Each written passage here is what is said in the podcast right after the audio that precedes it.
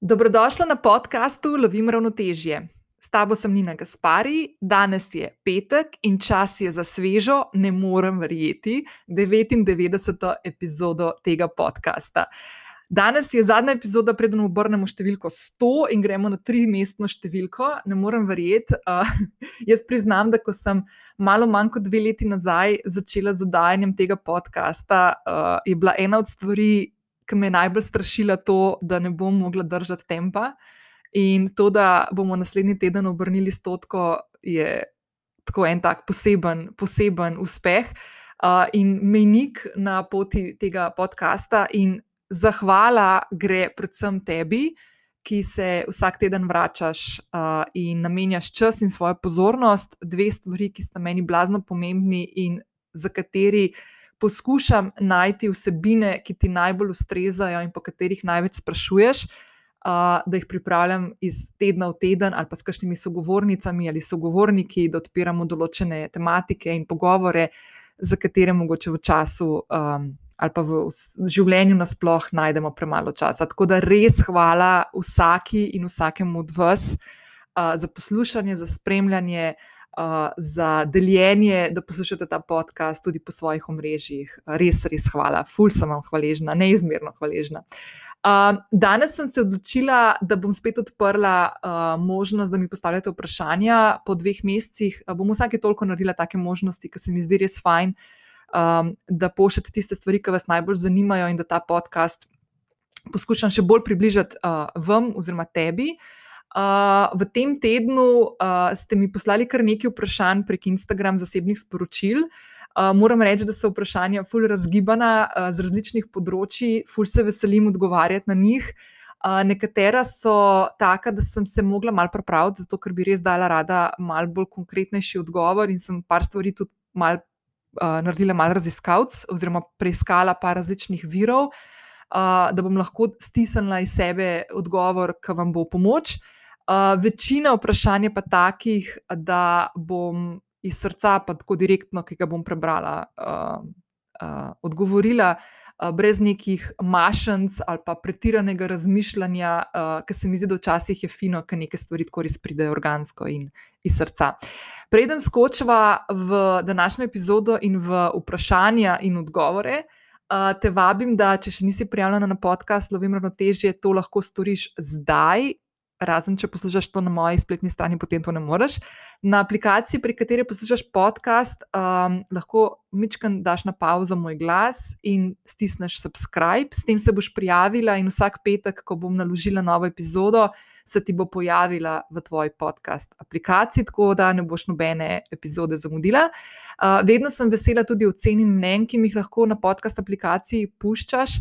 Uh, zdaj večina vas posluša prek iTunes, uh, tako da tam se to da. Dobila sem informacijo, da na Google podcast aplikaciji za Androide se to ne da narediti, no, tako da uh, tam ne boste našli. Uh, ampak vedno sem vesela, če podelite tudi lahko prek svojih družabnih omrežij, naprimer na screenshot naredite, ko ste na sprehodu in poslušate uh, epizodo in delite to. Uh, Prek svojih omrežij naprej z vašimi sledilci, označite me, da potem tudi jaz to delim naprej, pa da vas pozdravim. Uh, tako da res, res, ful, hvala vsakemu in vsaki od vas. Um, Tudi danes te bo spodaj uh, v epizodi čakala z, uh, zapis epizode, kjer bom dala noter tiste stvari, ki bom danes omenila v epizodi. Tako da brez skrbi, vedno te čaka zapis epizode, ki ga najdeš enostavno, če greš samo tako na mojo spletno stran. To je ta klasična formula Nina Gaspari.com, pošiljka epizoda 99, številko bo danes. Tako da, če kdaj gledaš, ko omenjam, naprimer, epizodo 40, potem greš lahko na Nina Pošiljka epizoda 4 nič.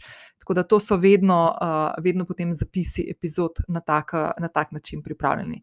Tako da, evo, to je to. Uh, predlagam, da kar skočiva v današnjo epizodo in v vprašanja, ki sem jih prejela in na katere bom zdaj odgovorila. Okay, začela bom z vprašanjem, ki sem ga dobila čisto na koncu. In ker sem obljubila, ob tem, ko sem moje sledilke in sledilce na Instagramu pozvala, da mi pošljejo vprašanja za 99. epizodo podcasta, sem obljubila, da bo to anonimno, ne bom povedala, kdo mi je to poslal, je pa moj prijatelj, uh, ki me sprašuje, kakšna je cena eukaliptusa Uh, zdaj, za tiste, ki ne veste, zakaj je to vprašanje, uh, jaz se ful rada tuširam pod svežim šopkom eukaliptusa. Kar pa že kar nekaj časa nisem naredila, tako da bom to vzela ne samo kot vprašanje, potem koliko stane šopek eukaliptusa, ampak tudi kot upomnik, da poskušam jutri skočiti na centralno ljubljansko tržnico k Marini, pri kateri jaz kupujem uh, eukaliptus. In kolikor vem, na zadnje, ko sem ga kupila, je bila cena med 15 in 20 evrov. Uh, zakaj se je pa fino tuširati uh, pod eukaliptusom svežim, oziroma zakaj je fino imeti mogoče eukaliptus tudi v vazi doma, sploh v teh časih jesensko-zimskih. Uh, lahko pa prebereš v zapisu epizode, uh, v katerega bom vključila uh, tudi povezavo do blog zapisa, kjer sem več o tem povedala. Tako da to. Uh, Uh, naslednjo, uh, naslednje vprašanje sem se fulno smejala, uh, pa bom povedala, zakaj. Uh, če imam rada glasbo Eda Širana. Um, pa sem v bistvu se nasmejala zato, ker, uh, ker sem provala razmišljati, kdo je moj najljubši glasbenik ali pa skupina ali pa tako pa v bistvu sem ugotovila, da nimam neke najljubše glasbe oziroma glasbenika. Tako da lahko rečem, da ja, mi je všeč Ed Sheeran, kakšni komadi so taki lušni, pa tako se nasmejim. Ena stvar, ki mi gre mogoče na živce, pa niti ni toliko problem z Edom Sheeranom, je to, da ko enkrat da en nov komad ven, ga potem. Radijske postaje non-stop vrtijo, in vsak, na vsakem koraku prideš v stik uh, s tem komadom, in se ga prehiter naveličaš. Uh, tako da to mogoče mal, uh, me, me malo moti pri glasbi, da širina, ki pa nima veze z glasbo, ima bolj, bolj veze z načinom predvajanja njegovih vsebin. Um, potem je prišlo eno vprašanje, ki je pri meni kar mal tako reakcijo močno sprožilo, uh, ker sem tudi jaz imela s tem težavo v preteklosti in sicer kako se spopadati s šefom, ki je mikromanager. Um, moja prva reakcija, ko sem to prebrala, je, ful, hvala najprej za vprašanje. Um, Najprej reakcija je bila blazno, tako intenzivna, zato ker mi je prenesla nazaj vse tiste spomine um, in čustvovanja in nihanja v čustvovanju, ki sem jih doživljala, ko sem imela tudi jaz šefico, mikromanagerko. In prva misel, ki je bila, je bila, da je odpoved, pa čim prej se odstrani iz tega okolja. Ampak, ker se zavedam, da um, življenje ni takšno, da bi uh, takšne odločitve sprejemali na tak način, tako hitro in uh, ne tehtno na trenutke, sem šla mal preverjati, kaj pravi literatura, kaj pravijo psihologi, kaj pravijo sociologi, ki se ukvarjajo s to problematiko. In moram reči, da je bila ta rdeča nit stvari, na katere sem naletela, ko sem se pripravljala za odgovor na to vprašanje. Je bila rdeča nit takšna, da poskušaj se postaviti v njegove čevlje, poskušaj razumeti. In, tako, in jaz iskreno povedano se s tem ne strinjam. Uh, mikromanageranje kaže na to, da ima menedžer težave sam pri sebi, ki jih preslikava na svoje podrejene.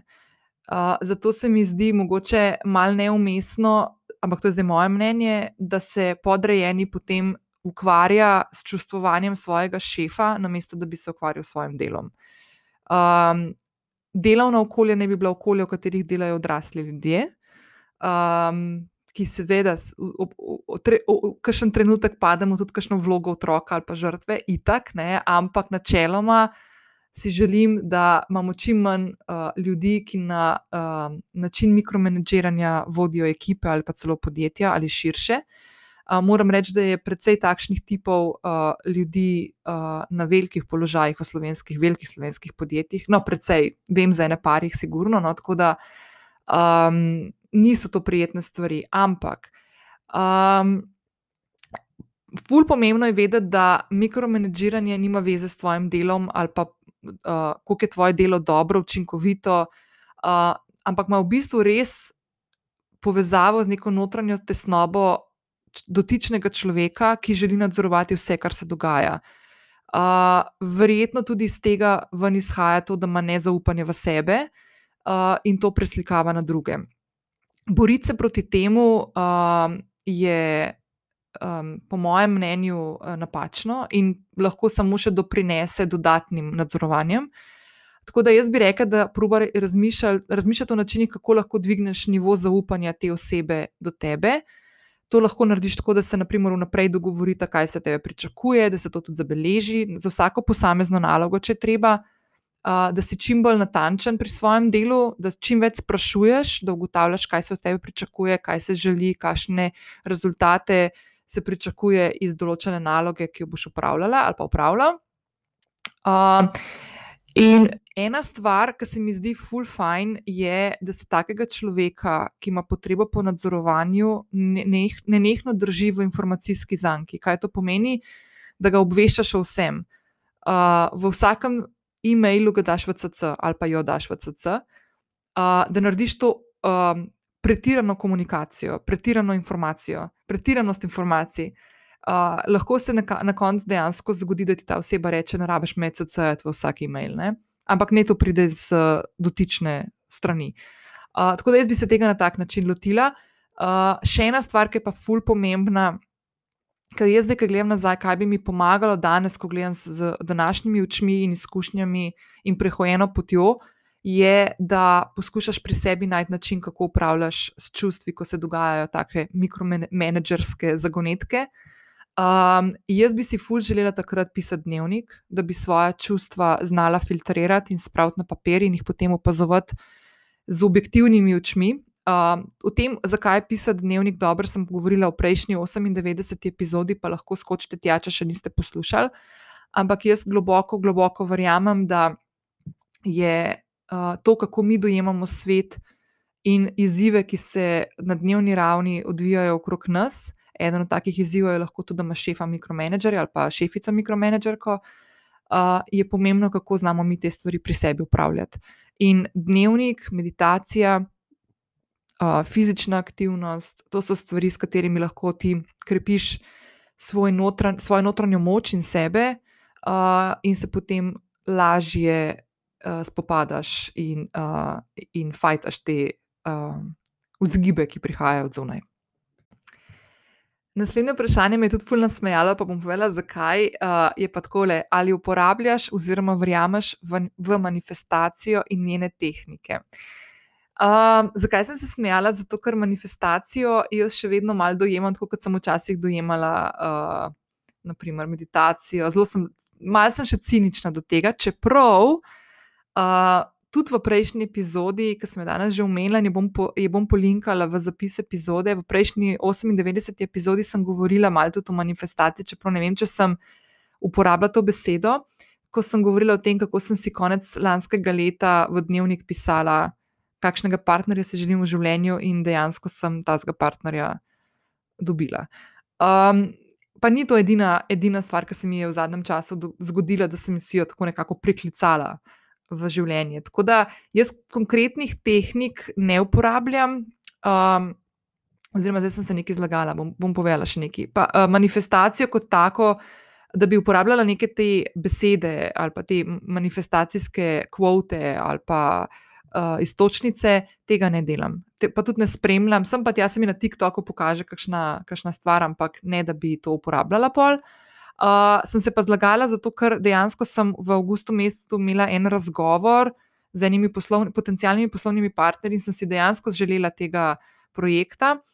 Uh, in sem si, preden uh, sem imela te razgovore, sem si spisala ene par takih listov. Um, mojih misli ob tem. Tako da mogoče je šlo za neko obliko manifestacije, čeprav res premalo poznam to področje, da bi, um, da bi lahko kaj več uh, o tem povedala. Ok, naslednja stvar. A ja, še to imam pa ogromno enih knjig doma o manifestaciji, sem se jih nisem še lotila nekaj brati. No, ne ogromno, nekaj par, tri, štiri. Tako da ja. Uh, je bila kdaj kakšna pomoč nekoga ali njegova promocija tebe za rast tvojega biznisa prelomna? Um, ja, absolutno. Uh, bile so situacije, uh, bili so ljudje, ki so aktivno delali na tem, da bi me spodbujali in da bi mi pomagali na moji podjetniški poti. Bili so tudi ljudje, ki so prišli v moje življenje, pa so mi pomagali, brez da bi vedeli, da mi pomagajo. In bili so ljudje, ki so mi, s tem, ko so uh, se določene stvari negativno oziroma razpletle na način, ki si ga nisem želela, so mi tudi pomagali. Tako da človek, ki mi je najbolj pomagal, um, vede in ne vede, je moj stric Emil, ki živi v New Yorku in ki je podjetnik že več kot 60 let. Uh, jaz sem imela priliko z njim delati, uh, tesno delati deset let na projektu Slovenija Vodka, ki ga je tudi on vodil. Uh, je bil eden od ljudi, ki ga je vodil. No, um, in sem lahko iz prve roke, iz prve vrste opazovala njegov način dela in razmišljanja, ki mi je blazno blizu. Tako da, če bi koga, uh, če bi koga izpostavljala, je to definitivno on. Uh, vsako, vsak projekt, vsak človek, ki sem prišla z njim v kontakt v 11, skoraj 11 letih podjetniške poti, je tako ali drugače vplival na to, kako se je moja pot uh, nadaljevala. Tudi kakšne stvari, ki so bile mogoče neuspehi ali pa porazi. Um, bil je en moment pred, mislim, petimi ali šestimi leti, ko sem se skoraj povezala poslovno z eno takratno prijateljico in potem zadnjo sekundo odskočila z tega vlaka. Um, in praktično čez noč ostala brez naročnikov, brez projektov, in tako naprej, in sem se mogla na novo sestaviti. Takrat sem bila najbližje temu, da dejansko podjetje zaprem za neko obdobje. Uh, sem to, to sem imela kot en tak velik poraz. Je pa dejansko bilo to obdobje, ko sem sebe, svoje vrednote, svoje želje, kam želim peljati svoje življenje, ki ga jemljem kot neko celoto, ne samo kot svojo podjetniško pot, postavila v spredje in od takrat naprej ne odstopam od teh stvari. Um, tako da to so take neke prelomnice, uh, ki so bile.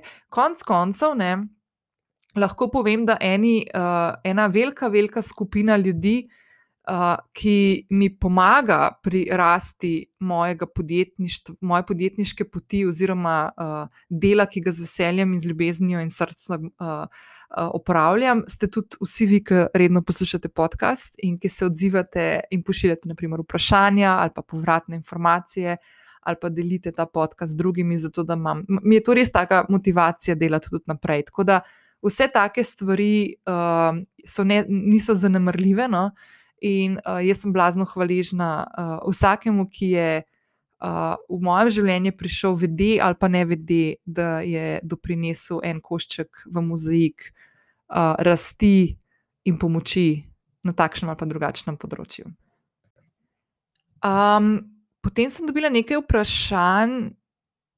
Dve, bom tako naredila. Dve vprašanji sem dobila, ki bom poskušala skupaj odgovoriti na njih, zato ker um, malo čutim, da izhajata iz, iste, iz, istega, iz istega vira, oziroma isti vir je odgovor na, na obe vprašanji. Prvo vprašanje je, kako najti energijo za ustvarjanje sanske podjetniške poti po službi ali magisteriju, in kako najti daljno karjerno pot zase. Um, ne bom rekel, da je enostavno, to niso enostavne stvari. Zakaj? Zato, ker zahtevajo od tebe en kup enega internega dialoga same seboj, oziroma samim seboj.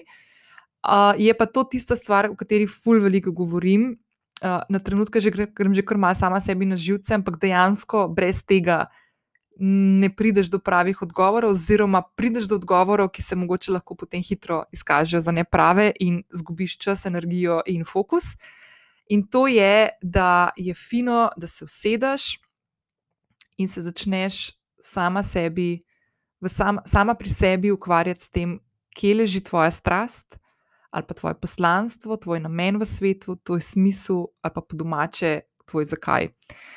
Uh, zakaj je to tako pomembno? Jaz sem o tem že res ful veliko govorila. Bom v zapis epizode tudi polinkala uh, blog, uh, ki sem ga pripravila na to temo, uh, ki ima, mislim, da deset prednosti, zakaj je fino, da prepoznaš svoj zakaj. Uh, tudi ti pomagajo tudi pri premagovanju strahov, naprimer, ki je še eno od vprašanj, ki se bo v nadaljevanju ponovilo.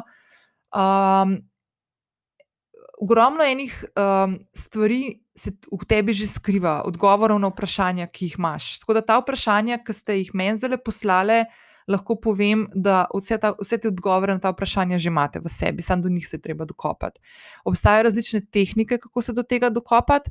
Uh, jaz sem jih uh, predelovala kar nekaj v zadnjih letih, da sem prišla do tega svojega spoznanja, dve leti nazaj, o čemer sem tudi veliko govorila.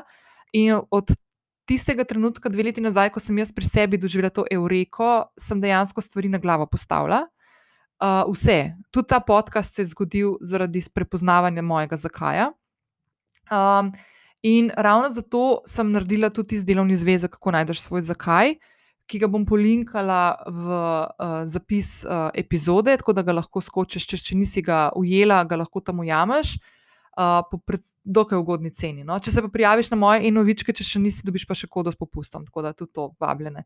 Uh, ampak načeloma, če grem čist hi na hitro skozi, kaj, kaj so tiste prednosti, ključne, um, ki ti jih prenese to, da najdeš svoj zakaj. Prva stvar je, da najdeš osredotočenost. Um, takoj boš prepoznala stvari v življenju, ki so ti pomembne, jih postavila v pravilno zaporedje po prioritetah. In to velja za poslovni in zasebni del življenja. Uh, potem najdeš svojo strast. Uh, strasten si, uh, strast pripelje tudi to, da imaš kar naenkrat energijo za te stvari. Um, ko ti delaš tisto, kar te veseli, kar izhaja iz tebe, iz tvojega srca, potem tukaj premikaš gore. Premikaš gore v smislu, da delaš hitreje, um, enostavneje, hitro sprejmaš odločitve, ker točno veš, kaj moraš reči in kaj moraš narediti, zato da boš dosegla tisto, kar si si postavila v svoj zakaj, ker veš, kam želiš iti. Uh, strastna si pri svojem delu, kar pomeni, da najdeš energijo. To je tako, kot takrat, ko si zaljubljen, pa si utrujen, ful, ampak se kar hočeš dobiti s človekom, ki si zaljubljen. Tako da vse poznamo te občutke. Ampak take podobne občutke lahko doživljaš tudi pri delu, ki ga upravljaš. Delo ni, tre, eh, mi smo ful navajeni, da mora biti delo neko, neka muka, uh, neko trpljenje. Um, pa bom enkrat mogoče povabila enega gosta da bom malo več na to temo povedal, ker sem ga prejšnji teden imela priložnost poslušati v živo in je točno o teh stvarih govoril in bilo fenomenalno. Tako da bom poskušala ga enkrat uh, zvabiti na podcast. Uh, ful jasen postaneš, neustavljiv, zvest si svojemu zakaju, um, prepleteš v vse svoje odločitve življenjske, uh, najdeš zadovoljstvo, tvoje vrednote postaviš v center. Prej sem govorila o tem, kako sem se leta nazaj skoraj povezala z eno takratno prijateljico. Mm, pa so imele podobne želje in cilje poslovne, ampak so imele drugačne vrednote in se je tukaj stvar razdrla. Uh, oziroma, verjetno se ne bi razdrla še nekaj časa, če ne bi takrat jaz uh, v navednicah pobegala uh, uh, od tega dogovora. Uh, pristen si, pravi, uh, stvari, ki jih počneš, veš, zakaj jih počneš, avtentičen, uh, občutek imaš, da si poštena, da živiš neko verodostojno življenje, um, da točno veš. Um, zakaj določene stvari počneš. Zaupanje vase um, zgradiš. Uh, tukaj se bom navezala na vprašanje, ki sem ga dobila, kako postaneš tudi bolj samozavesten. Tudi samozavest je fully odvisna od tega, kaj v življenju počnemo. Uh, ko prihajajo stvari iz nas, ko, niso, ko, ko naše vrednotenje sebe, uh, čistko na, na vseh ravneh, in na poslovni, uh, strokovni, uh, življenjski, partnerski, prijateljski, na katerem koli, na katerem koli temelju hočemo samozavest graditi, mora to prihajati iz nas samih. Ne, ne na podlagi tega, kaj nam nekdo odzuni reče, da smo fajn naredili, koliko smo lušne, koliko smo sposobne, koliko smo vem, dobre partnerke, prijateljice in tako naprej. To vse lepo in prav, ampak te stvari moramo mi znotraj čutiti. In tudi kako si gradiš samozavest, je s tem, da se ful sam sabo ukvarjaš, ne z drugimi. Um, to govori oseba, ki je bila še ne dolgo nazaj blazno ne samozavestna in ne, ne zaupljiva do sebe. Uh, kaj ti še prenese, zakaj, kar je meni ena od ključnih stvari in pomembnih, je to, da uh, se predaš toku, flowu, to, kar smo se že kar nekajkrat pogovarjali, kako je pomembno, ker se ogromno stvari v življenju zgodi takrat, ko ne silimo v neki ampak prepustimo stvarem, da se zgodijo. Uh, in še zadnja stvar, zabava, ful je fajn, ful je dober, ful je lušten, uh, ful je fajn, ko uživaš v stvarih, ki jih delaš, ful je fajn, ko uživaš v življenju, ki ga živiš. Ne rabi to muka, res. Um, to, to kar smo podedovali iz prejšnjih generacij in se še kar vleče naprej, da moraš skozi neki težiti in se truditi in mučati. In, uh, da nekaj dosežeš v življenju, jaz v to fulno verjamem. Seveda je treba narediti stvari, seveda je treba biti delaven, seveda je treba biti učinkovit uh, in vse, ampak ne na račun tega, da si nezadovoljen, uh, da ne, ne moreš spati, da si tesnoben in tako naprej.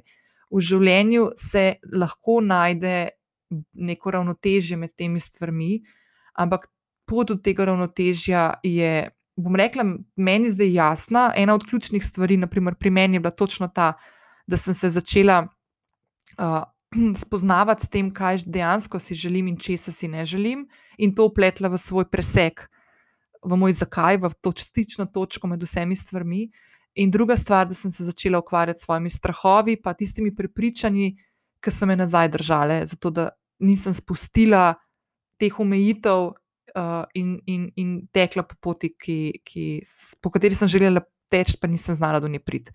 Tako da te to so res ključne stvari in dejansko začneš se zabavati v življenju. Fajn se, fajn je, fajn se imaš lahko. Um, tako da uh, jaz bi res priporočala. No? Uh, bom polinkala stvari v zapis epizode, pa skočite. Uh, mimo grede, um, imam zdaj le trenutno tudi eno akcijo v spletni trgovini za paket, ki vključuje oba delovna zvezka in ta, kako najdeš svoj zakaj in tega, kako presežeš omejitvena prepričanja in strahove. In če ga do konca meseca kupiš, sprav do naslednjega tedna, potem je že tako znižena cena 25% eh, redne cene. Je že no vključena, ne rabiš nobene kode, pa zraven sem dala še dodatne vaje, mislim, da 21 strani dodatnih vaj za samo spoznavanje, se pravi, to so neke take stvari, ki jih je fino izko, zato da ugotavljaš in ti lahko pride v pomoč tudi pri tem, ko izpolnjuješ delovni zvezek, kako najdeš svoj zakaj. Uh, pa zraven sem dala še moje res najljubše knjige iz različnih področji, ki, um, ko jih prebereš, ti odpirajo neke nove svetove in posledično te vodijo tudi do tega, da ugotavljaš in se igraš z idejami, kaj, kaj želiš v življenju početi. Uh, kam želiš svoj fokus usmeriti, in konec koncev lahko tudi dobiš ideje o tem, kako, pri, kako prilezeš do tega, da ugotoviš, kje se skriva tvoj zakaj. Naslednje vprašanje je, kako najdeš mejo, kdo je zares potreben pomoči in s kom le trosiš energijo. Um, mm, hm. Ok, jaz bom to malce drugače obrnila. Um, kdo so tisti ljudje, v katere se v navednicah splača vlagati v odnose, in kdo so tisti, ki samo od tebe nekaj skozi jemljajo in ti ne dajo noč nazaj, da mu temu tako reči. Um, jaz sem pri teh stvarih zelo radikalna, um, zato ker sem se skozi svoje življenje na večjih primerih zasebne narave in podjetniške narave naučila, da je te stvari treba, vsaj v mojem primeru, uh, odrezati, uh, dobesedno. Jaz sem prvič eno tako čiščenje izvedla okrog 30. rojstnega dneva. Uh, tista stvar je, ko so upadala z dvema momentoma v mojem življenju. Eno je bilo to, da sem v tistem trenutku, oziroma v tistem obdobju, se selila v London, in avtomatično zaradi tega se je en kup enih odnosov, prijateljskih, uh, oziroma kvazi prijateljskih odnosov takrat uh, umaknili, oziroma so odpadli iz mojega življenja, če tako grdo rečem. Na drugi ravni, na zasebnejši ravni, tej družinski ravni, sta se pa moja starša ločevala in sem jaz v tistem obdobju, parih let. Zmislil, da vsak od nas pride v nekem trenutku do spoznanja, da naša družina ima tudi težave, pa izzive, pa da vsi odnosi v družini in razširjeni družini niso vedno bili zelo odprti ali pa dobrosrčni, ali pa, pa, pa ne, da bi kdo hotel za naložke delati, ampak pač enostavno takšni odnosi so bili. In jaz sem v enem obdobju doživela ene par takih hladnih tušov, uh, in sem se odločila radikalno, in ni bilo enostavno, sem tudi veliko kritik požela na ta račun, da um, je res, da si družine ne moreš zbrati, ampak lahko si pa zbere, lahko si izbereš, koliko časa preživiš, pa koliko energije vložiš v to.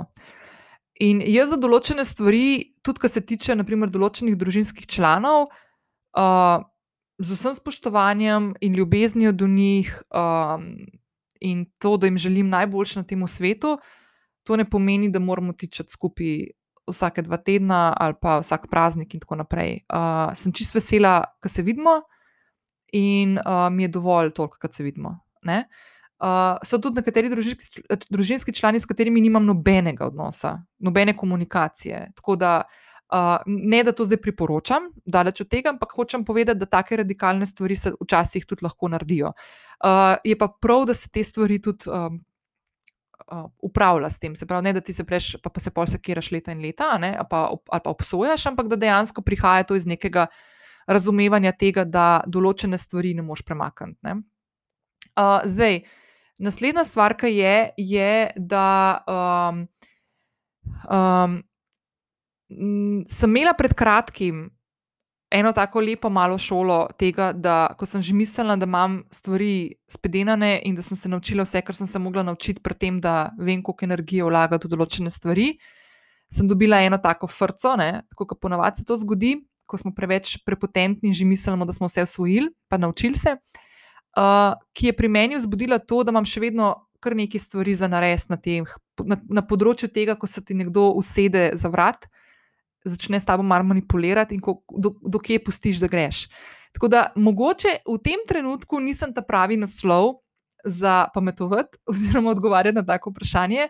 Uh, mi je pa full fine, da lahko povem to, no, da če morda od zunaj zgleda, da veš te stvari vse obvladujem in da vem, kaj počnem in kako se tega uh, reševati in kako se tega lotevati, dejansko imam tudi jaz tukaj še kar nekaj izzivov za jih narediti. Lahko pa povem, kako te stvari upravljam v tem trenutku, ko se naprimer soočam z eno od stvari, ki je pri meni potegnila ven na plan en kup enih um, strahov in prepričanj, ki dejansko izvirajo iz mojega otroštva in so v bistvu izvor vseh teh uh, izzivov zdaj. Uh, je, da veliko o tem razmišljam, pišem v tem dnevnik. Um, In delam te vaje, konc koncev, ki jih imam v tem delovnem zvezku, kako presegaš omejitvena prepričanja, pa zelo veliko se poigravam s sindromom usiljivca, o čemer sem tudi govorila v eni od preteklih uh, epizod in jo bom polinkala. Tako da, če slučajno ne veš, kaj je sindrom usiljivke oziroma prevarantke, lahko skočiš tja in to poslušaš. Uh, take stvari so mi ful pomembne, da jih vemo in prepoznamo, zato ker so to res namišljene stvari, ki se začnejo v naših glavah dogajati. In je treba s temi stvarmi upravljati, drugače se te zadeve ne, ne premaknejo drugam. Bom še eno stvar povedala. Kako sem se jaz naučila upravljati z energetskimi vampirji, temu rečemo, se pravi z ljudmi, ki se priklapljajo na tebe, uh, ko nekaj rabijo in te izčrpajo, in na koncu imaš ti občutek, da nisi nič nazaj dobil za to. Uh, to je pa ena tehnika, ki ne bom zdaj razlagala, zato ker je ful kompleksna in dejansko bi, mogl, to, bi, bi mogla to tehniko razložiti moja terapeutka Melita, ki jo upam, bom kmalo gostila tudi na podkastu.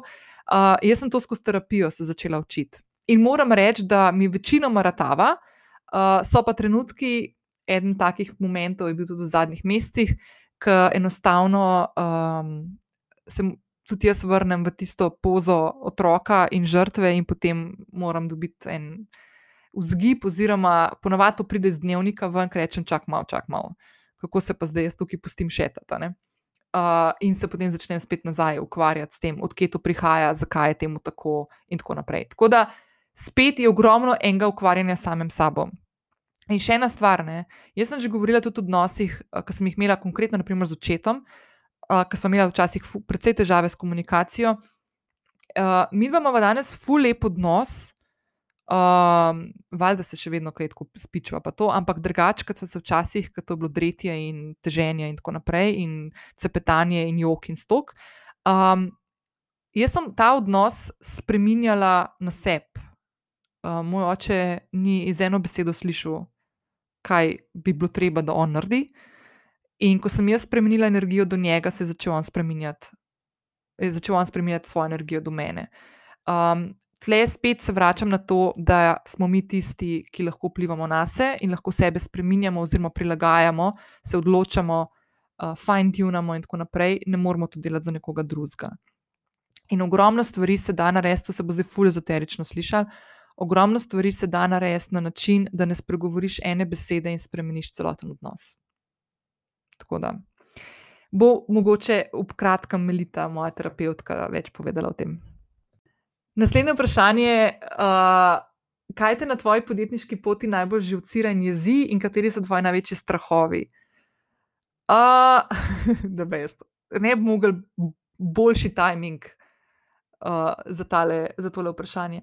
Najbolj me živcira to, da uh, so trenutki, ko mi kakšne stvari pride do živega, na način, da začnem dvomiti o sebi in o svojih sposobnostih, o svojem znanju, o svojih izkušnjah.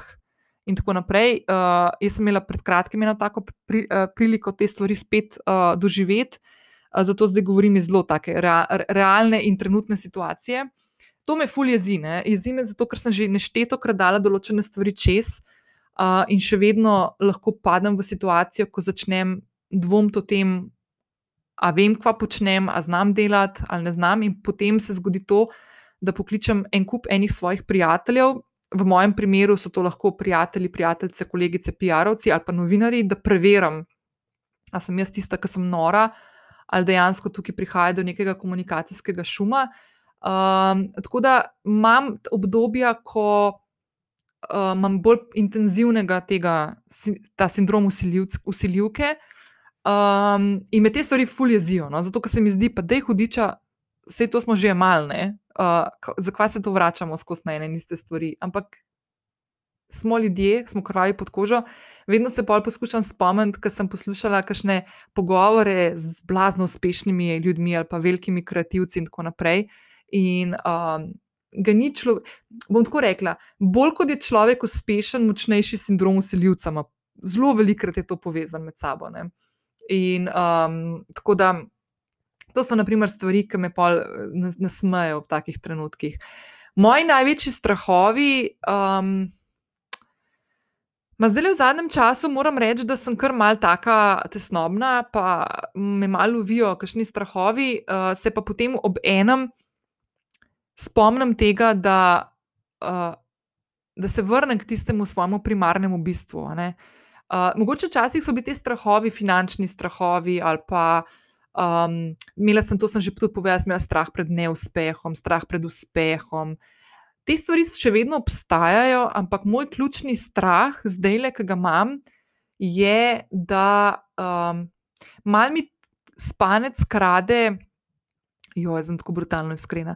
Mal, me, mal mi spanec krade strah, da ne vem, uh, strah pred tem, da se zgodi situacija, ko ne bom mogla več delati teh stvari, ki me tako veselijo in ki prihajajo iz tega mojega zakaja, primarnega. Um, tako se mi zdi, da letošnje leto, lansko leto je bilo, na primer, fulno naporno leto, ampak se mi zdi, da letošnje leto v določenih stvarih je mal bolj naporno. Um, tako, no, se mi zdi ta, ta stvar, me zdaj tako mal, mi, mi, mi, mi krožlja živce in možgane, in se v bistvu veliko ukvarjam s tem, uh, da probam se sama s sabo tukaj pogovarjati in da sem probam biti prijazna do sebe. In full dnevnik pišem, tako full velik pišem dnevnik in mi to res pomaga. No. Sploh, ko se zgodi kakšen večer, ko ugotovim, da ne bom kar z lahkoto zaspala, uh, se, se dvignem, primem dnevnik v roko in grem pisati tisto, kar me tisti trenutek, kar mi leži na duši in tako naprej. In devetkrat od desetkrat full enostavno pol zaspim in spim celo noč, naprimer. No. Tako da, um, ja to so trenutno stvari, ki me okupirajo. okay, naslednje vprašanje, kaj uporabljaš za planiranje svojih dni? Um, ful bi bila vesela, če bi rekla, da uporabljam Notion ali pa Asano ali pa kakšne te hude aplikacije, appe in tako naprej za produktivnost in tako. Ampak bom brutalno iskrena, vse te stvari sem probala, občasno se malo vračam nazaj tja, ker mi, na primer, Maša, kakšen mail pošle, Maša Mazi, pa mi kakšen mail pošle svoj, pa ima kakšno novo predlogo za kakšne, ne vem, kako upravljati svoj čas na Notionu. Uh, ali pa zadnjič sem Niko Rčul videla, ki je tudi uporablja, uh, mislim, da je celo YouTube uh, kanal, na svojem YouTube kanalu objavila, kako Notion uporablja, ki je full dobro platforma, mimo grede. Um, ampak jaz dejansko uporabljam dve stvari. Uh, ena je moj koledar, ki ga imam na računalniku, uh, na, na, na, na Google, Uh, ker sem si ga tudi tako naredila, da imam barve, tako moje pastelne barve, najlepše. Naprimer, konkretno, če se vrnem na prvo vprašanje, za vse privat stvari, ki jih imam, naprimer, če imam frizerja, manikuro ali pa se dobim z mojim dragim in tako naprej, imam uh, barvo eukaliptusa, naprimer, no? tako da se vrnem na prvo vprašanje, da mi je to res lepa barva, tudi ne samo, da mi je fajn se tuširati pod eukaliptusom. Uh, tako da imam vse te stvari posinkane potem s telefonom uh, in notri si zapisujem. Uh, Ma praktično vse stvari, no? deadline, kdaj moram še en račun plačati, kdaj moram dobiti še en račun plačan, uh, potem uh, kdaj moram še stvari pripravljati. Imam tako različne, zdaj odprla koledar, imam različne sekcije. Uh, lahko povem, da imam naprimer, ka, vse, kar se tiče firme, se pravi, da imam sestanke in tako naprej z eno barvo, privat imam drugo barvo, sestanke imam tretjo barvo, pa imam naprimer podcast, kdaj ga snimam, kdaj pripravljam vsebino, imam tretje barvo pa imam social medije, um, imam označeno, kdaj pripravljam kakšne vsebine, to že dolgo časa nisem neki tako, da bi dala v koledar, če si iskreno. Pa imam z eno barvo, imam račune, kdaj moram kaj plačati, kdaj moram prispevke zrihtati, kdaj moram davke oddati, kdaj moram uh, preveriti, če sem dobila plačane račune in tako naprej. Uh, potem imam pa uh, eno. Eno barvo imam pa prav za izobraževanje. Se pravi, kdaj v tednu si vzamem čas za to, da vlagam v svoje izobraževanje, tukaj delam digital kurse. Uh, zdaj, le, naprimer, sem si prejšnji teden kupila uh, en spletni dostop do uh, kar enega lepega števila uh, digitalnih tečajev, ki jih ima Maja na samorastnikih. Uh, lahko greš pogledat in po, pogledaj, če te kakšna stvar zanima. Uh, potem kdaj ustvarjam vsebine in poskušam svoj koledar, to sem govorila v tistih epizodah o produktivnosti, ki jih bom spet povezala v zapis epizode. Poskušam svoj koledar oblikovati na način, da dajem podobne naloge, se pravi, naprimer. Ko imam plačevanje računov, pa te administrativne stvari, ki moram ki računovodki in pošiljati, probam, da je to skupaj. Zakaj? Zato, ker ko mi skačemo iz enega tipa naloge na drugega, naprimer, če bi šla jaz iz tega, da uh, moram spisati, pripraviti račune, oddati računovodki, in potem pa takoj naslednjo stvar, da grem ustvarjati vsebine za svoje naročnike ali pa za svoj podcast. To je napor, ki ga imajo moji možgani, ko preklapljajo med dvema tipama različnih nalog, tako velik, da mi ful energije vzame. Zdaj, ne rata vedno, ampak temu se reče time batching oziroma neki časovni sklopi za podobne oblike taskov. Uh, uh, in poskušam te stvari dajati skupaj. Naprimer, petke imam jaz frej in v petkih delam izključno in samo to, da pripravljam podcast, da ga dam ven, vso vsebino, da nastavim in potem, da se ukvarjam, naprimer, delam izobraževanja. Uh, se, um, ali pa pripravljam kakšne tematske stvari za svoje kanale, in tako naprej. To je nek tak kreativen dan za mene. Ponedeljki so ponovadi tisti, ki imam najprej administracijo, In ponavadi imam jutra drugače, da delam tiste stvari, ki so bolj kreativne, ki bolj zahtevajo mojo. Moj kreativen način razmišljanja, ustvarjanja, in tako naprej, in potem nekje po kosilu delam administrativne stvari. Da, uh, ta druga stvar, ki jo pa imam zadnjih 20 let, po mojem, že skoraj, je pa Moleskin rokovnik. Um, jaz uporabljam tega, kar mislim, da je A5 format, uh, pa tako, da ima vsak dan na svoji strani, se pravi, tako bolj debel zvezek. In tja noter pišem pa uh, tudi, pred, predvsem tudi listo. Uh, običajno imam ta moleskin pri sebi, ko imam sestanke, uh, zdaj ali fizične ali pa prek Zuma. Uh, in v ta zvezek doskrat tudi pišem kakšne ideje, ki se mi porodijo, naprimer, medtem ko delam, in pol te stvari vključim v tisti task, ki ga upravljam naknadno. Ful, lepo vprašanje. Um, a ja, lahko še to povem. Še ene par vprašanj imam. Um, za zadnje vprašanje sem postila najtežje vprašanje, uh, ki me kar malo skrbi, kako bom odgovorila. Bom probala biti čim bolj brutalno iskrena, ampak pridemo še do tja. Zdaj je eno vprašanje, ki mi je ful všeč um, in sicer, katero je tvoje največje življenjsko spoznanje? Um, moje največje življenjsko spoznanje je to, kar sem danes že kar umenila. No. Bom jaz se vrnila k temu, da sem ugotovila, kaj v življenju si želim, kam želim iti, na poslovni in na zasebni strani. Um, meni je bilo to res eureka, zato ker so se mi stvari v življenju začele res obračati na, na, dru, na, na drugačen način. Um, lahko rečem, da sem si s tem spoznanjem, kje leži moj zakaj, zakaj sem na tem svetu, da nisem samo zato, da svoje stvari delam, pa da nekako grem iz dneva v dan, ampak dejansko lahko doprinesem nekaj tudi v družbo. Uh, zato ta podcast, med drugim, um, je res eno tako ključno spoznanje, ki mi je pogled na svet in pogled na me, moj pogled na sebe, ful obrnil na okrog, na pozitivno. Um, ful lahkotno hodim po svetu, uredila sem si podjetje, da je danes takšno, kot sem si vedno želela, da bi bilo, da bi delala na način, kot delam danes, in da delam projekte in, in stvari, ki me veselijo v 95 odstotkih. Um, da imam uh, odnose v življenju na poslovni in na zasebni ravni urejene, da imam na zasebnem področju ob sebi zdaj človeka, ki sem ga, bom rekla, kar jo, če boš ti to zdaj poslušal, kako se bo ti fajn zdel, uh, da imam končno v sebi človeka, ki sem ga celo življenje iskala, pa niti nisem vedela, da iščem tazga človeka. Tako da, ne. Um, in da, uh, ja, to je tisto, ampak spet najbolj nora stvar pri vsej tej stvari je pa to, da so te stvari prišle vse iz mene ven. In tako je bilo prej eno vprašanje, če verjamem v manifestacijo, vizualizacijo. Verjamem, no? verjamem, ne delam tega tako aktivno, da bi se ukvarjala s tem zelo premišljeno in taktično in strateško, ampak veliko manifestacijskih misli, pa veliko vizualizacijskih stvari je bilo, je bilo na moji strani narejenih, uh, ker sem odkrivala to svoje življenjsko spoznanje oziroma neko poslanstvo in ga potem prepletla, in, in predvsem to opazovala, kako se te stvari dogajajo in prihajajo v moje življenje, in jih zaznala v trenutku, ko so prišle. Da, ja. Naslednje vprašanje je, ali verjameš, da se prijaznost vrne s prijaznostjo? Absolutno. Absolutno.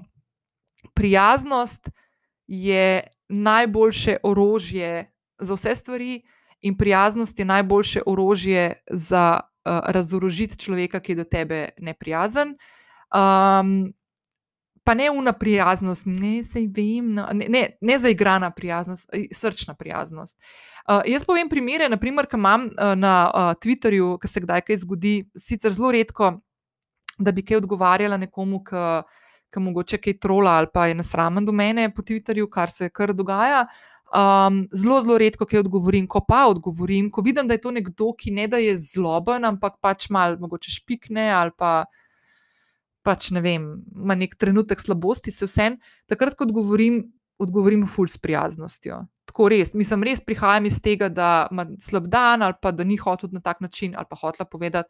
In tako naprej. Uh, tiste, ki so pa res tisti, ki sam hočejo nek uh, odziv nazaj, uno ignoriram. Tako da, absolutno je prijaznost ful pomembna in jo je treba uporabljati. Še dve vprašanje, pa uno, ta najtežje vprašanje. Uh, naslednje vprašanje je, ali uporabljaš kristale in katere kristale imaš? Uh, okay. Zdaj bom iskrena. Fulman kristalov. Po mojem, je 30.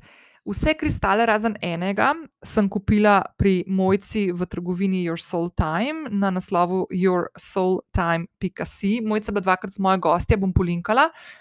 Um, nekaj jih imam tukaj na mizi in jih zdaj gledam. Uh, enega sem si včeraj dal, dala v denarnico, pa fulih imam tam v, uh, v spalnici, zdaj pa tako. Mojca bo zdaj to poslušala in se bo furžala, ampak ona to ve. Jaz ne poznam vseh kristalov na pamet. Uh, ne bom jih znala povedati. Bom, bom, bom pofotkala, pa bom dala na zapis epizode, tako da tiste, ki vas to zanima, fulo, lahko pogledate, pa verjetno boste kakšne prepoznale. Ampak, naprimer, vem, da imam tle enega, enega kvorca. Uh, pa clear quartza, pa mislim, da drugega ne, ko se mu reče, tako bolj vijolčast je. Pa imam pirita, um, to je tako, ima bleščice. Pa imam enega zelenega, pa enega modrega, zato tudi malo tazga, ki se malo sveta, pa selenit imam tukaj v pisarni. Uh, tam v spalnici imam pa še ene parno. Zdaj pa tako, kristale uporabljam, mah, tako. No. Uh, sem imela, naprimer, um, poleti en, en pogovor ker sem si fulž želela en projekt, ki sem mislila, da sem danes to že umenila. In sem v roki držala en kristal, cel čas, ko sem imela pogovor. No, sem tok. Uh, pa ti projekt ni šel skozi, tako da uh, mogoče kdaj drugič. Ampak ja, drugače pa uh, poskušam tudi vsako polno luno jih čistiti s kadili, ki jih tudi kupam pri mojci, uh, Palo Santo, pa vsa ostala žajble in rožmarine in brine in tako naprej, ki ima fur različnih, tako da to. In potem jih dam ven na teraso pod polno luno, naprimer, da se napolnijo. Mislim, da sem to na zadnje kar polet naredila, ker pa meni bilo doma, uh, tako da je bila polna luna, tako da nisem. Uh, ampak ja, tako da to delam, ne morem reči, da sem nek ekspert, daleč od tega. Uh, če pa koga kaj več zanima o kristalih, pa res ful svetujem, da greste k mojci, da spremljate, ker ona te stvari res ful raztorava in zna odgovoriti na vsako vprašanje. Naprimer, kjer kristal bi rabila, če sem tesnobna, bo tako jih naštela ene par, jaz to ne znam. Niti ta, za ta pirit vem, da je dobra energija in. Um, in um, izobilje, da pri, pri, privlači, zato ga imamo tudi le v pisarni, ampak to je pa pol že kar malo to. Tako da, ja, uh, k mojci skočite, pa ker sem bližji pri mojci, uh, dajte jo spremljati, sploh tisti, ki živite v Ljubljani ali pa večkrat pridete v Ljubljano, mojca bo v kratkem odprla tudi fizično trgovino, tako da tlele. Zelo blizu, jaz živim in se ful veselim, uh, da bom večkrat jo videla in da bom tudi jaz lahko skočila in v roke parila, kakšen kristal. Uh, pa ga še prenesla pol domov. Pa mogoče se malo bolj izobrazila na tem področju, da naslednjič, ko prije tako vprašanje, bom kaj bolj pameten, kam imela zapovedati. Uh, pred zadnje vprašanje je tudi tako fulušno, ker se nisem nekaj pripravila na njega in uh, upam, da bom kaj pametnega zdaj povedala. Ampak kaj ti gre pri sebi najbolj na živce? Um, zdaj, fulbi bila vesela, če bi bila tako razsvetljena, da bi rekla, da nobena stvar mi ne gre tako na živce, zato ker vse te stvari, ki se dogajajo v meni, uh, so del mene in jih sprejemam. Uh, nisem še čistam. Uh, kaj mi gre na živce? Na živce mi gre, da, uh, da, da moram. ok, to bom izpostavila. Ja, to bom izpostavila. Na živce mi gre to, da kljub temu, da sem že večkrat kakšno pot prehodila in si dobila kakšne izkušnje, ki niso bile enostavne, pa tukaj mislim predvsem na podjetniški poti. Um, pa si mislim tako, ok, zdaj si se pa to naučila, zdaj si pa pripravljena, da naslednjič, ko priješ tako situacijo, se ne bo isto zgodilo. Da se mi še vedno kakšne stvari dogajajo, in da imam občutek, pol, da uh, se nisem dosti naučila, um, in da imam tukaj še ful veliko za narediti. Tako da take stvari mi grejo ful na živce. Um, na živce mi gre konec koncev tudi to, da še vedno prevečkrat dvomim vase, čeprav nimam nekega tehtnega razloga, da bi dvomila vase. Um, pa to je to. Rečemo, da je to, to tisto, kar mi zdaj pade na pamet. Zihar so še druge stvari, no, ampak rečemo, da to izpostavim. Je pa to, kar sem na začetku rekla. No, uh, uh, nenehno se vračam in poskušam povedati, tudi naprimer, v dnevnik zapisujem te svoje misli, točno to, zakaj se tako odzivam na te stvari. Poskušam uh, sprejemati te občutke. Ne? Se pravi, da ne da se sam soočam z njimi, ampak da jih tudi sprejmem, da je normalno in življensko in človeško, da imamo trenutke slabosti, da se kdaj tudi vrnemo na kakšne par korakov nazaj, ker očitno je še kakšna stvar, ki jo nismo rešili pri sebi in dobimo priložnost, da se jo znova lotimo in popravljamo, in mogoče rešimo kakšno zagonetko. Ok, to zdaj pa najtežje vprašanje, ki je prišlo. Okay, zadnje vprašanje um, je vprašanje, ki mi je v bistvu. Sem fulj vesela, da sem ga dobila. Uh, čeprav me malo straši, uh, kako odgovoriti na njega, pa nisem se neki ful pripravljala, sem ga večkrat prebrala, malo v mislih pretehtala, kaj bi povedala, ampak nisem si pa naredila nekih konkretnih zapiskov. Um, in sem se odločila, da bom odgovorila iz srca, uh, iskreno, kot jaz mislim, in uh, izhajam iz pozicije, da poskušam v življenju razumeti odločitve ljudi, ki se ne strinjajo z mano, oziroma razmišljajo drugače kot jaz. In to je ena od stvari, ki se mi zdi, da je ključna v zadnjem obdobju, da jo jaz usvojim in usvojimo tudi vsi skupaj kot družba. Si, vprašanje je naslednje: kako handlati situacijo v državi, delitev ljudstva, nesmiselne ukrepe in nezaupanje v znanost?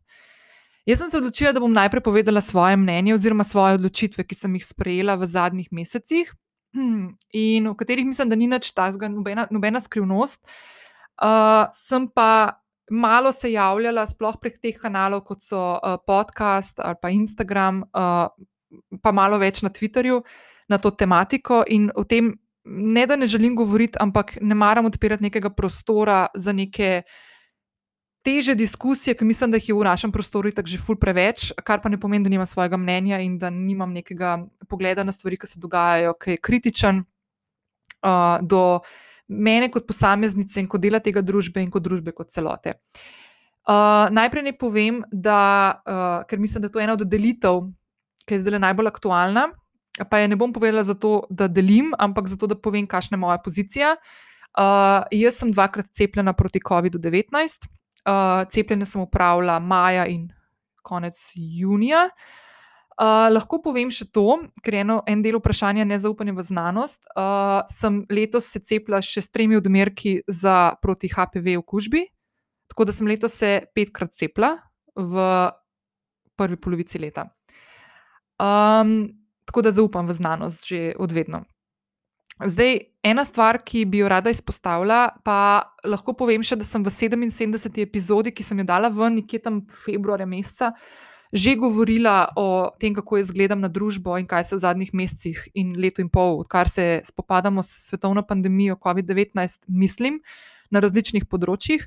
Uh, tako da bom tudi polinkala to v zapis epizode, da se ne bom ponavljala. Ampak stvari, ki jih jaz zdaj delam na sebi, zato da poskušam, kot je bilo vprašanje, postavljeno, handlati to situacijo.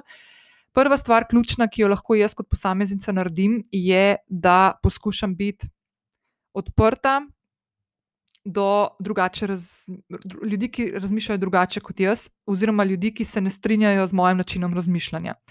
Kar pomeni, da čist na individualni ravni. Uh, imam s svojimi bližnjimi uh, pogovore o, o tem, kaj se dogaja. Prvič so precej zoženi ti pogovori, zato ker imam večino ljudi v svojem življenju takih, ki podobno razmišljajo. Mam pa, ki podobno razmišljamo, razmišljamo. Mam pa par oseb v življenju, bližnjih, ki, naprimer, konkretno, če delamo to delitev, cepljeni, ne cepljeni, so necepljene. necepljeni. Um, poskušam se pogovarjati z njimi normalno, ne izhajam iz tega, da bi prepričevala. Če sem na začetku mogoče letošnjega leta ne razumela te stvari in sem bila zelo, na trenutke tudi malo jezna na to, da razmišljajo, da se ne bi cepili. Um, danes izhajam iz tega, da te ljudi treba razumeti, poskušati razumeti in imeti odprt prostor za komunikacijo. Prva točka.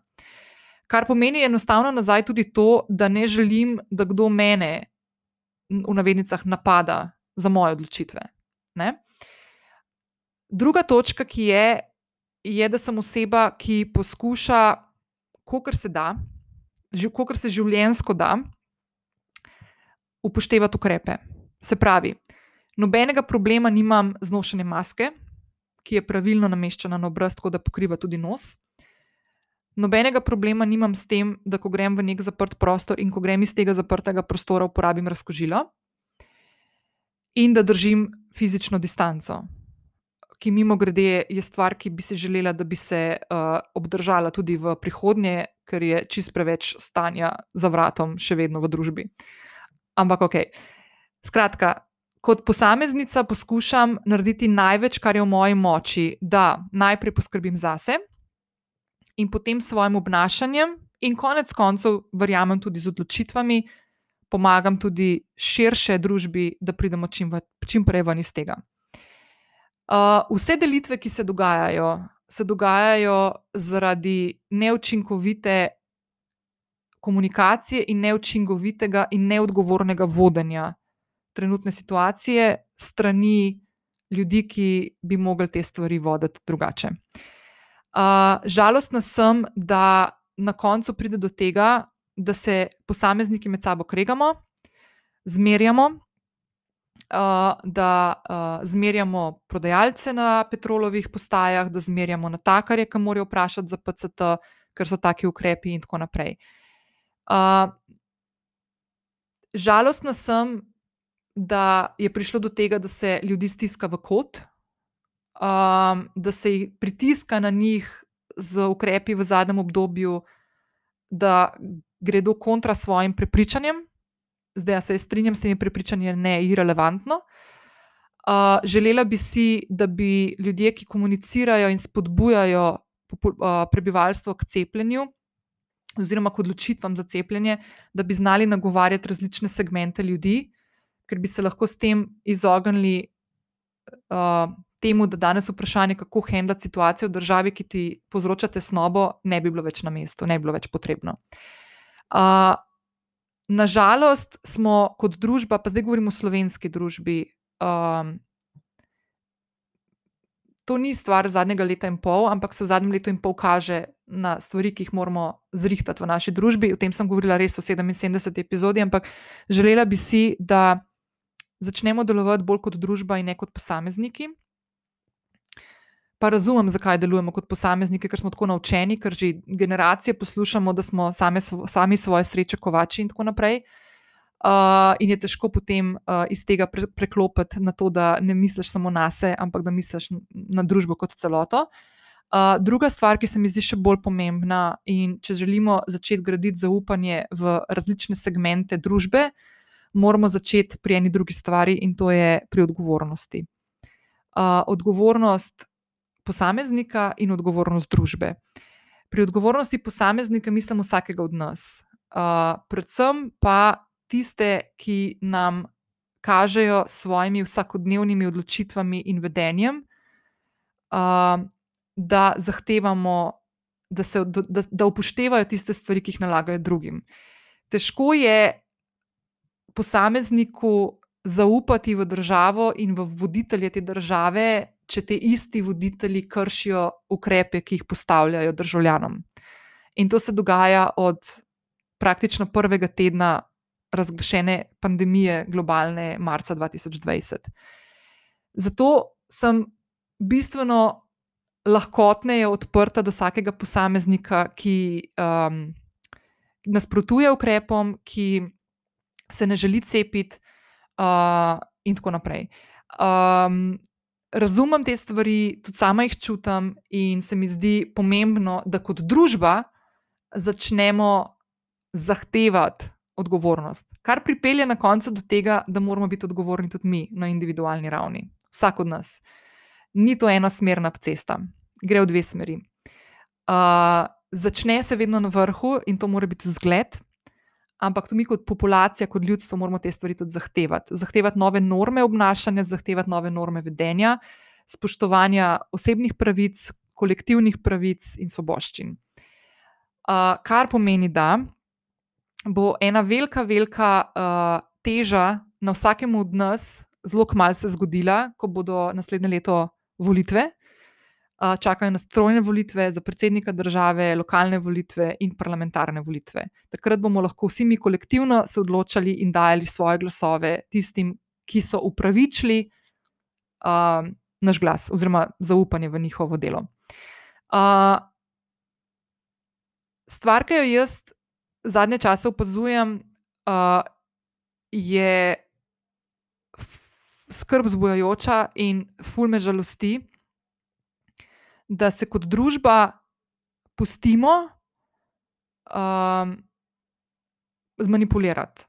Na vse področje, ne glede na to, komu po, po, po razmišljanju bolj pripadamo, v navednicah, levim, desnim, zelenim, rdečim, se vsem, mladim, starejšim, kakorkoli, cepljenim, ne cepljenim. Mislim, da smo se kot družba pustili zapeljati uh, vodilnim v tej državi, ki jim je skupno to, čeprav so skregani kao med sabo, da vsem ta situacija trenutno ful odgovarja. Tako jaz gledam na te stvari. Uh, trenutni vladni uh, garnituri odgovarja, ker lahko zraven dela, medtem ko se mi kregamo na neumnostih po družabnih omrežjih ali pa za mizo ob nedeljskem kosilu ali pa na sprehodih, um, da praktično neuvirano lahko sprejemajo na tisoče ukrepov. Mimo grede, od marca lansko leto, ko se je začela pandemija, je bilo že več kot 2700 ukrepov sprejetih, kar se meni zdi nadbizarka. Um, in zraven lahko pod um, um, marelo uh, upravljanja epidemije priklopijo en kup enih stvari, ki nimajo veze z obvladovanjem zdravstvene krize, kot so naprimer. Um, Da tuji študenti, ki nimajo 5000 evrov na računu, ne morejo več študirati v Sloveniji, da um, pustimo, da se dela rošade in kadrovske menjave, do tega, da um, nekateri lahko protestirajo mirno, drugi ne. Uh, do tega, da, uh, kaj še kakšna taka stvar, se jih je bilo res full velik. Um, skratka, uh, da, vlad, da se od nevladnim organizacijam, ki niso um, na isti valovni dolžini kot trenutna vlada, se vzema denar in se daje tistim, ki spodbujajo pretrese v družbi. Uh, skratka, en kup enih stvari se zraven uh, pakira v obvladovanje epidemije, in mislim, da smo ljudje dovolj pametni, da te stvari vidimo. In razumem to kritičnost do, do uh, vodenja epidemije pri nas. Razumem. Mislim, da ima velika večina držav na Zahodu podobne izzive in podobne težave. Tako da nismo tukaj edini, je pa prav, da se s temi stvarmi upravlja in, in da se o teh stvarih pogovarjamo, zato ker, kot sem rekla, čez pol leta ali pa dobro leto uh, bodo volitve in takrat boste lahko vsi. Upam, da bomo vsi šli na volitve in oddali svoje glasove, kakršni koli te glasovi pač bodo. Um, jaz poskušam o trenutnih situacijah čim manj se pogovarjati, čim manj spremljati uh, rast okužb. Bolj me zanima, naprimer, vem, koliko ljudi je hospitaliziranih, zato da vemo približno, kam nas vodi situacija in ali bo prihajalo do zaprti ali ne. Uh, poskušam omejevati stike, biti odgovorna, uh, poskušam se ne kregati po družabnih omrežjih, uh, zato tudi vsakega od vas, ki ima zdaj občutek, da mora kaj napisati nazaj, prosim, da komot napišete, ampak dajte povedati svojo zgodbo. Uh, ne bi rada šla na te uh, proticepilske, anticepilske ali pa cepilske in podobne stvari, zato ker, kot sem rekla, poskušam vse razumeti in izhajati iz tega, da uh, se je treba z vsakim posameznikom, njegovimi strahovi, prepričanji, uh, nezaupanjem ukvarjati uh, posebej. In nisem jaz tukaj na svetu, da bom te stvari počela, so to druge ljudje, in verjamem, da imamo jaz, ti in vsi skupaj veliko lepših tem in boljših tem, da se pogovarjamo, naprimer o tem, kako te stvari premakniti naprej. Um, bom pa eno stvar še povedala, um, da se take stvari ne dogajajo prvič. Uh, kolektivni uh, sporazumi se dogajajo redno. Um, naprimer, mogoče te, ki niso povezani konkretno s cepljenjem, uh, so naprimer uvedba uh, var, uh, varnostnega pasu, uvedba tega, da otroci morajo biti do določenega leta starosti ali pa višine v stolčkih. Ker sem bila jaz majhna, temu, tega ni bilo, naprimer, smo imeli stolčke, ampak jaz sem lahko bila tudi brez stolčka, ker sem bila majhna, da se vinjen ne usedeš za volan, ker lahko s svojimi odločitvami posegaš v življenje nekoga drugega, ki ni nič kriv. Uh, da se v zadnjem obdobju, zadnja stvar, ki mogoče se vsi spomnite, da smo uh, sprejeli zakon, da se v zaprtih prostorih javnih ne kadi, ker spet svojo odločitvijo posegaš v zdravje nekoga drugega, ki pri tem nima nič. Uh, družba je, del, je sestavljena iz posameznikov in jaz verjamem, da moja svoboda se zaključi v tistem trenutku, ko svojo odločitvijo posegam v svobodo nekoga drugega. In pri epidemiji, kot jo poznamo zdaj in kot jo živimo, jaz vidim te stvari, da pač je treba sprejemati odločitve, ki niso samo odločitve za te, ampak so odločitve za, za številne druge, ki te obdajajo. Um, ena stvar, ki bom jo pofotkala, pa bom dala tudi link, ki lahko dobite in preberete, je ena knjižica, ki je pred, mislim, da je letos išla, čakaj, bom odprla letos, ne lansko leto že. Pri mladinski knjigi, zelo kratka knjižica, 76 strani, ima pa manj kot A5, dolga pa full velike črke. Tako da je v bistvu tako dolg esej uh, slovenske filozofinje in sociologinje, dr. Renate Salecel, ki je napisala knjižico Človek, človekov virus, in v kateri z različnih um, vidikov gleda na družbo in posamezne. Uh, posamezne uh, um, posebnosti, ki se v naši družbi dogajajo s pandemijo in z odločitvami na individualni in kolektivni ravni. Ful, zanimiva knjižica, ful za prebrati. Uh, in moram reči, da sem jaz res ful hvaležna, da sem imela priliko uh, z doktorico Saracel biti na enem večerji pred kakšnim mesecem in mi je ful všeč, kako razmišlja. Um, ne učitajoče, ampak tako malo širše, kaj se v naši družbi dogaja. Ful priporočam vsem, ki hočete te stvari malo bolj celostno pogledati. Za konec, jaz si ful želim našo družbo pripeljati do tega, da bomo začeli sami sebi zaupati, da bomo začeli zaupati v inštitucije, da bomo imeli odgovorno držo do sebe in do drugih, da bomo bolj prijazni en do drugega. Da bomo znali razlikovati med tem, kdaj si kdo zasluži kritiko, in ali je ta, ki kritiko dobi, uh, dejansko pravi naslovnik, da jo dobi um, da se bomo srečevali na protestih, uh, tudi takrat, ko mogoče se ne bomo vsi na protestih strinjali z vsemi stvarmi, ampak imamo cilj isti. Um, in da bomo na koncu živeli v družbi, ki bo podpirala vsakega od nas. Zdaj to so lahko mal take naivne želje, ampak jaz globoko v sebi verjamem, da če bomo začeli končno enkrat za vselej stati skupaj, um, da bomo te stvari lahko premagali. Um, še enkrat, zdaj, da delam neko volilno kampanjo, ampak mislim, da smo se letos poleti za referendum o vodi. Smo videli, kaj lahko naredimo, če stopimo skupaj in se upremo določenim vzgibom oblasti, ki hoče po svoje stvari voditi in zase, in za svoje dobro, in ne za skupno dobro. Uh, naslednje leto so volitve, uh, vsak od nas bo imel možnost trikrat, da obkroži in da glas opciji, ki bo najbolj odgovarjala in uh, najbolj uh, predstavljala naše mnenje, tvoje, moje mnenje, oziroma pogled na svet ali pa pogled na družbo, ki jo želimo graditi v prihodnost. Um, tako da um, pejte na volitve, oddajte svoj glas, do takrat pa poskušajte biti čim bolj prijazni do sebe in do drugih.